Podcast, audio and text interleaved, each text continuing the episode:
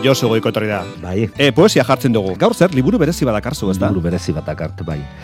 E, bueno, haren hurbilekoak oso estimatu izango duten liburua segurazki. Karmeli Gartua, poeta eta irakasle atxabaltarraren e, itxaso kontra bat du izena. Pamiela argitaletxeak e, argitaratu zuen, 2008 urtean, beraz, bat duela amar urte. Uste dut bere poema bat irakurri nuela, denboraldi, aurreko denboraldi. Aurreko denboraldian izango zen, bai. Bai, mm, bueno, eta zergatik da berezia. Ba, egileak, igartuak, eriotza ekarri zion gaixoaldi, betean, idatzi zuelako liburu hau. Eta, ba, liburu honetan, ba, bizitzarekin, eriotzarekin, minarekin, pozarekin, denborarekin, eta bestean beste gairekin, ja, tirabiran sentitzen dugu, ezta? Aha. Poemaz, poema, ibilaldi eder bat. Esan duzu, Eri- eriotza ekarri zion gaixotasun Bai. betean zegoela, idatzi zuela. Bai, eh? bai, bai, bai. Hau idatzi eta utzi zuen ia ia bukatuta, Mhm. Gero bergarako idazle eskolan e, berarekin lanean ibiltzen zen eta bere lagun mina zen itere irastortza poetak e, bukatu zuen zuzenketa batzuk egin zizkion. Baina igartuak liburua ja osorik utzi zuen, beraz, bastakit nik, bueno, bukaeran bazekien e, ba, hilko zela, edo Mhm. gaixotasun txarra zeukala.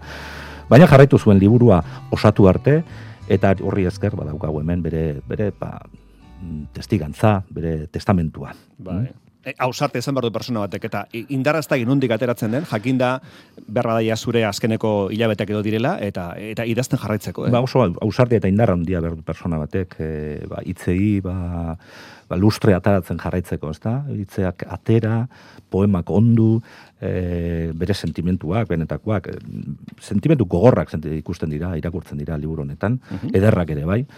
Eta, bueno, horretarako nik uste dut, ausardia handia eta indarra handia behar duela personak Eta, bueno, hiru poema irakurriko dizkiot, e, zure paimenarekin. Nola ez?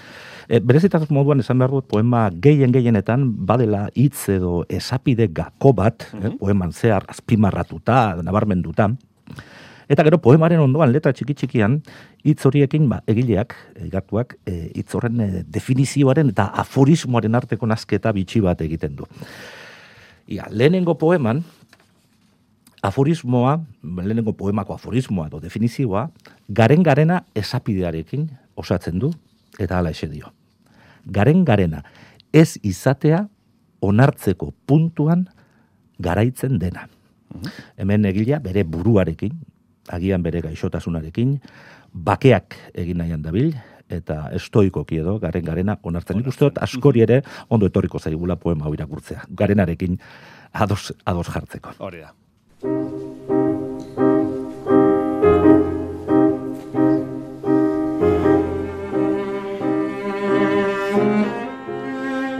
Garaia da adiskidetzeko naizena eta ni. Errekasto guztietako urak deitu eta ekarri ona ibaira. Itxasoetan lagatako aingurak bildu eta batu hemen portuan. Garaia da naizena eta ni itzordu batean bateratzeko ur azaletan itxaso barrenak arnastu eta abiatu erraz bilinbalaunkan nahastuz olatuetan naizena eta ni garenak garela. Garaia da geratzeko garena garenarekin. Azken egunetako atarian naizena eta ni garen garena.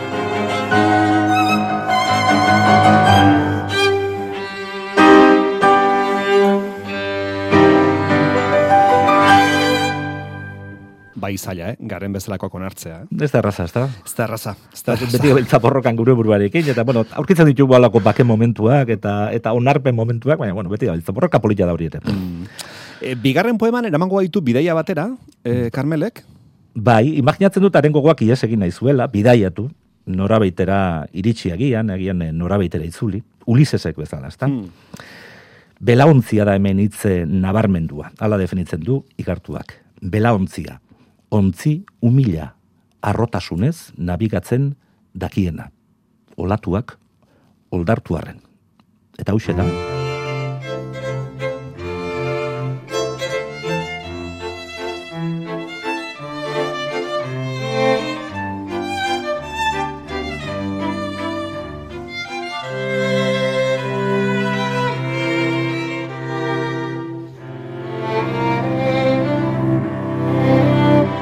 mugabariko biletea eskatuko dugu ontzi bidaia konpainian. Diren eta ez diren itxasuetan nabigatu izateko, joateko bilete bikoitza, itzulera libre uzten duten horietako bilete bat.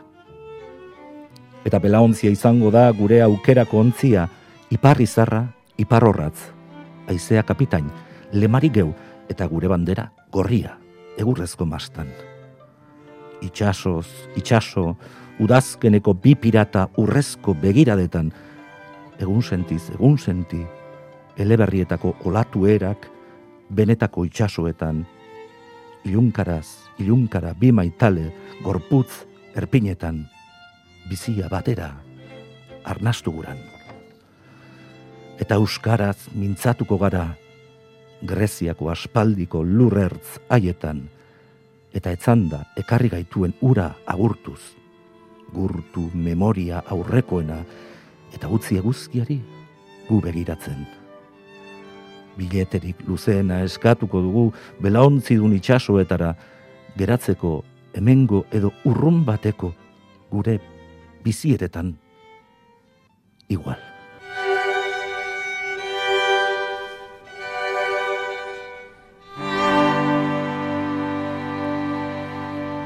Esan dugu Carmela Iguarta igartuak bere poemetan beti azpimarratzen duela esapide bat, ez? Hitz bat, esapide bai. bat azpimarratzen du, ez? Bai, baina ez denetan, ez denetan. Ez denetan. E, irugarren honetan, ez zuen azpimarratu hitzik, ez zion e, puntarik atera, ez dakit zergatik. Agian ez zuelako, ba, ez dakit, astirik izan, mm. edo agian poema osoa delako azpimarragarria. Ah, bai, igual, bai. Maitasuna da gaia, eta eskari bata poema hau.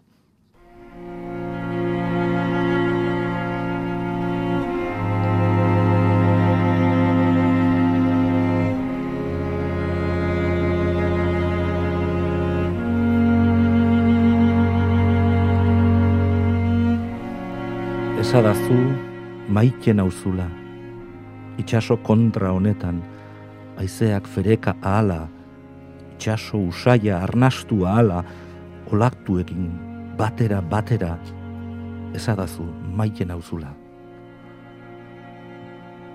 Esadazu gura nauzula hortozik ondarretan, biluzik aparretan, musuka erz guztietan, esadazu gura nauzula.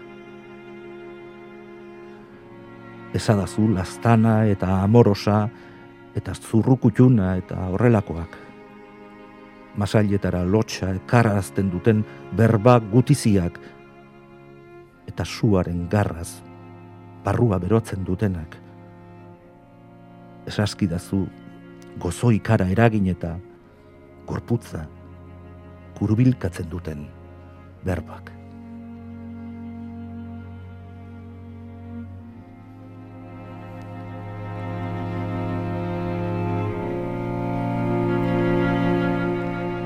Bai, ederra, eh, azkeneko poema hau. Eh. Poema hau, oso, oso politia.